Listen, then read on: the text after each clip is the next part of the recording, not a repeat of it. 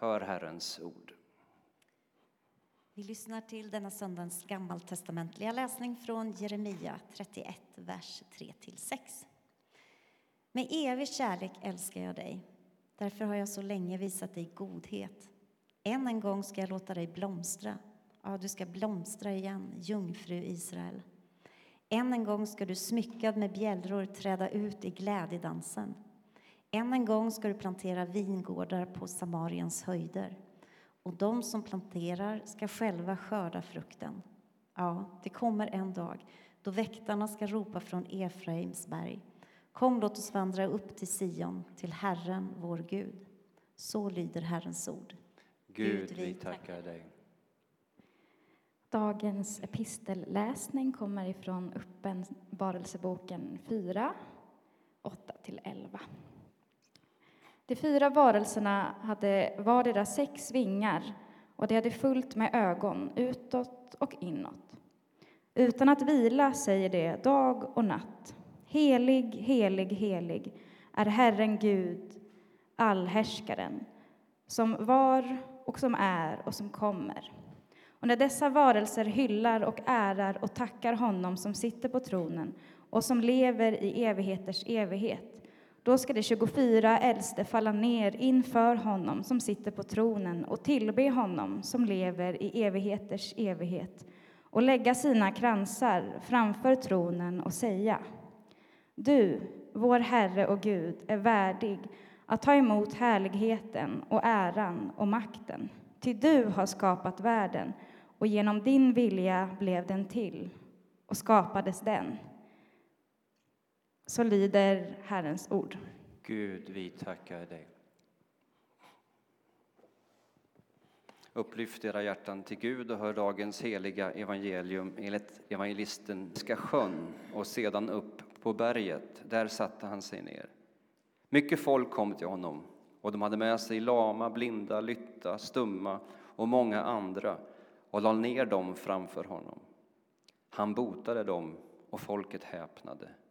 Stumma talade, lytta blev friska, lama gick och blinda såg och de prisade Israels Gud. Så lyder det heliga evangeliet.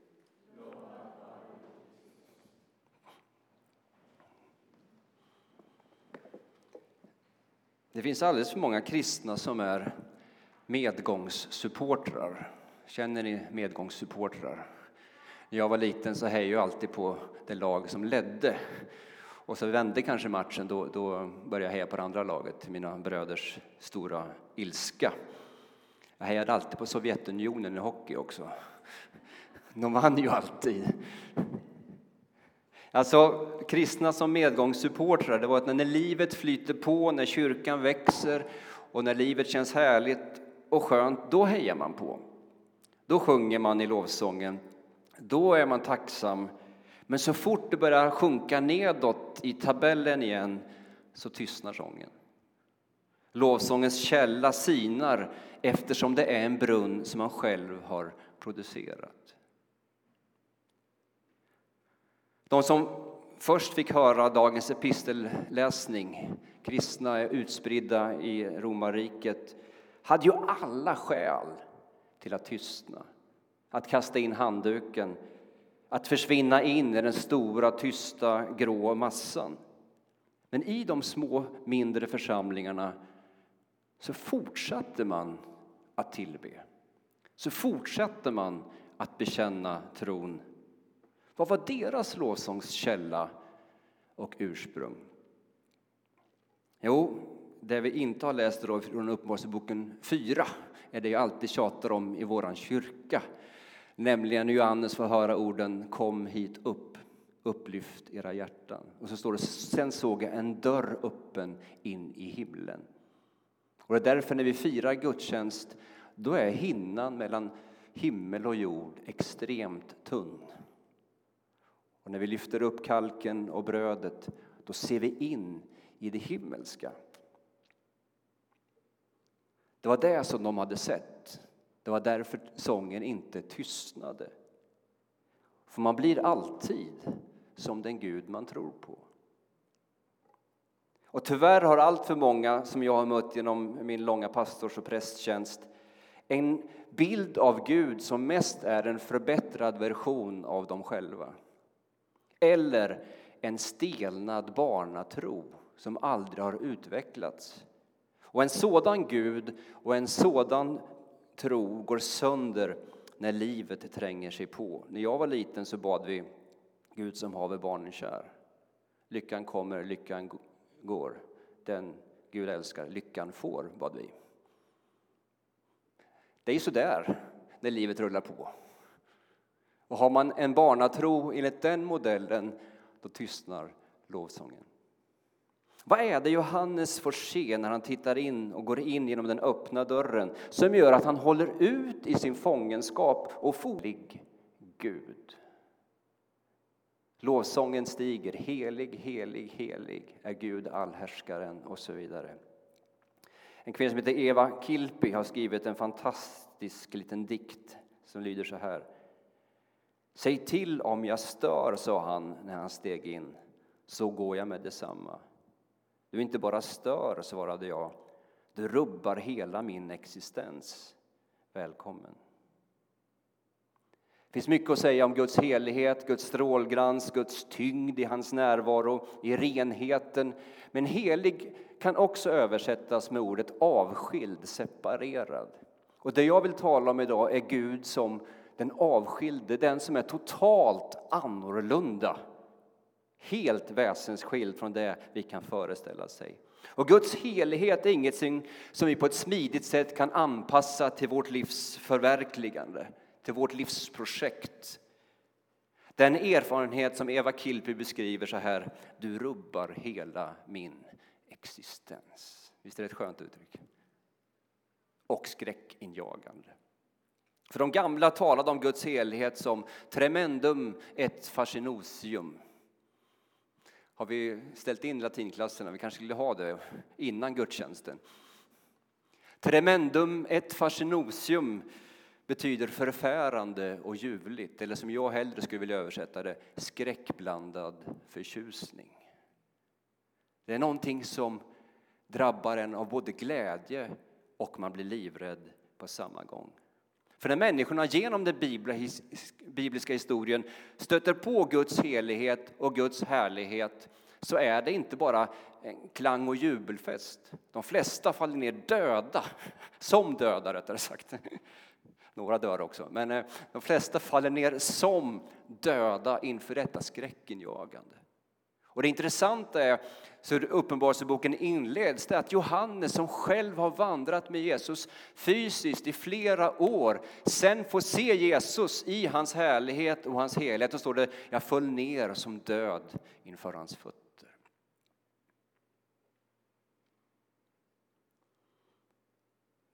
Gud är tremendum et fascinosium.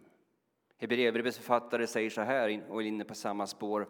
Vi får ett rike som inte kan skakas. Låt oss därför vara tacksamma att vår Gud är en förtärande eld. Vi behöver höra den sidan av Gud också. Inte bara att han är din vän och någon du kan prata med varje dag, utan Gud är också en förtärande eld.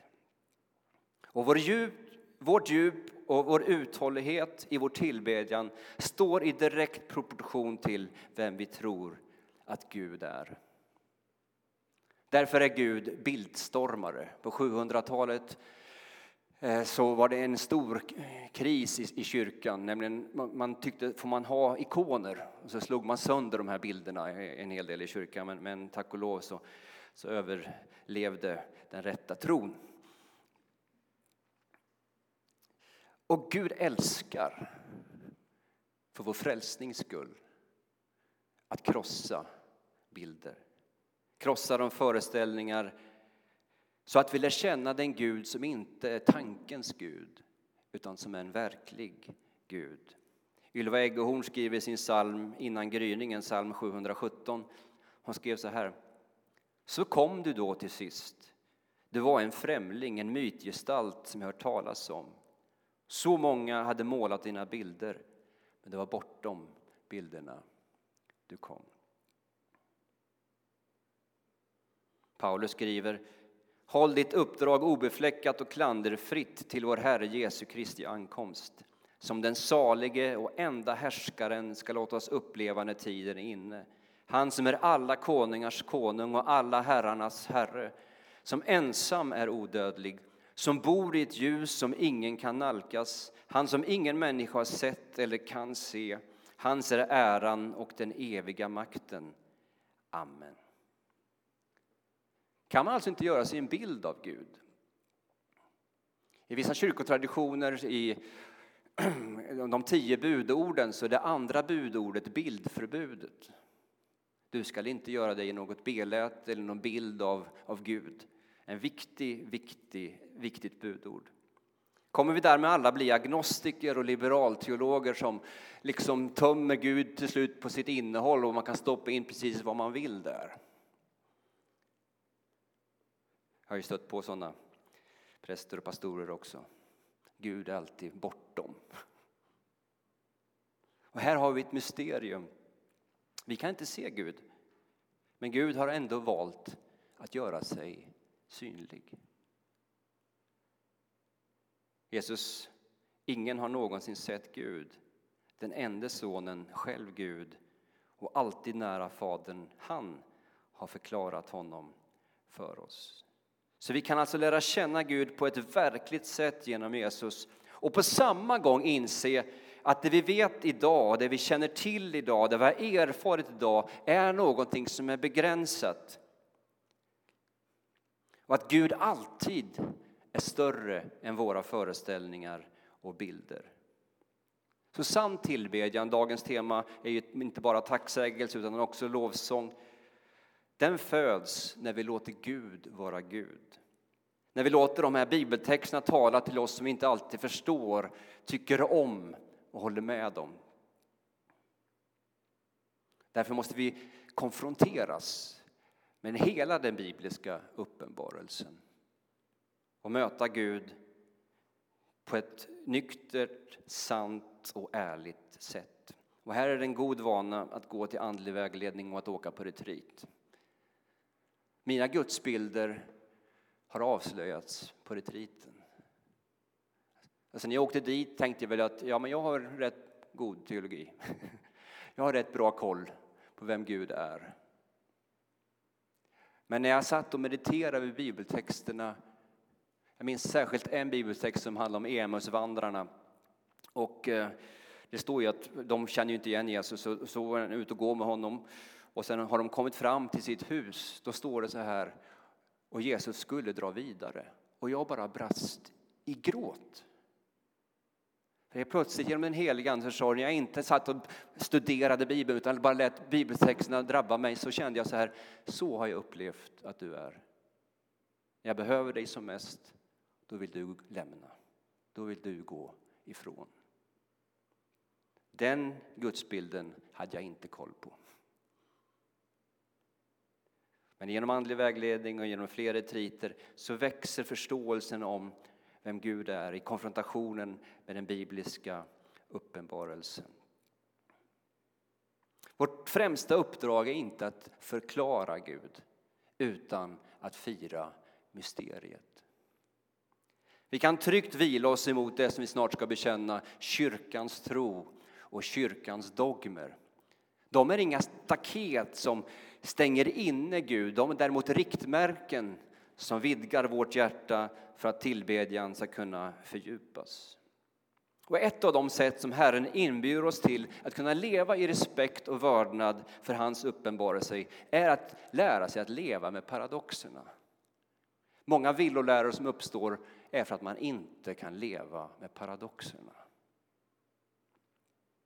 Och en del som försöker liksom göra Gud till en fyrkantig systematisk teologi får alltid problem med det ena eller det andra. Vad ska vi säga? Gud bor i ett ljus som ingen kan nalkas. Samtidigt är han nära dem som är, har ödmjuka och förkrossade hjärtan. Ingen kan möta Gud utan att bäva Arbeta med fruktan och bävan på er frälsning. Ty det är Gud som verkar er, så att ni i vilja och gärning förverkligar hans syfte. Ja, men vem skulle göra vad nu då?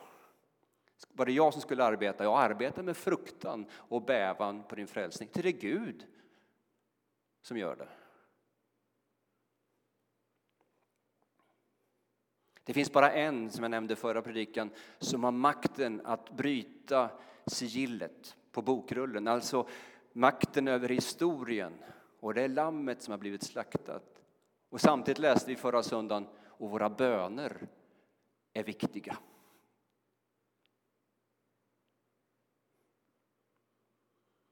Gud som ingen kan se blir synlig fysiskt i nattvardens bröd och vin.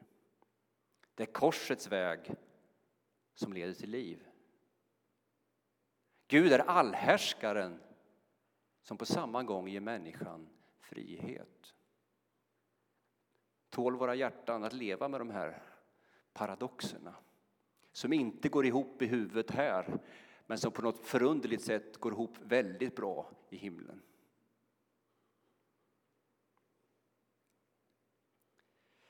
Muslimerna säger att Gud är stor, Allah akbar.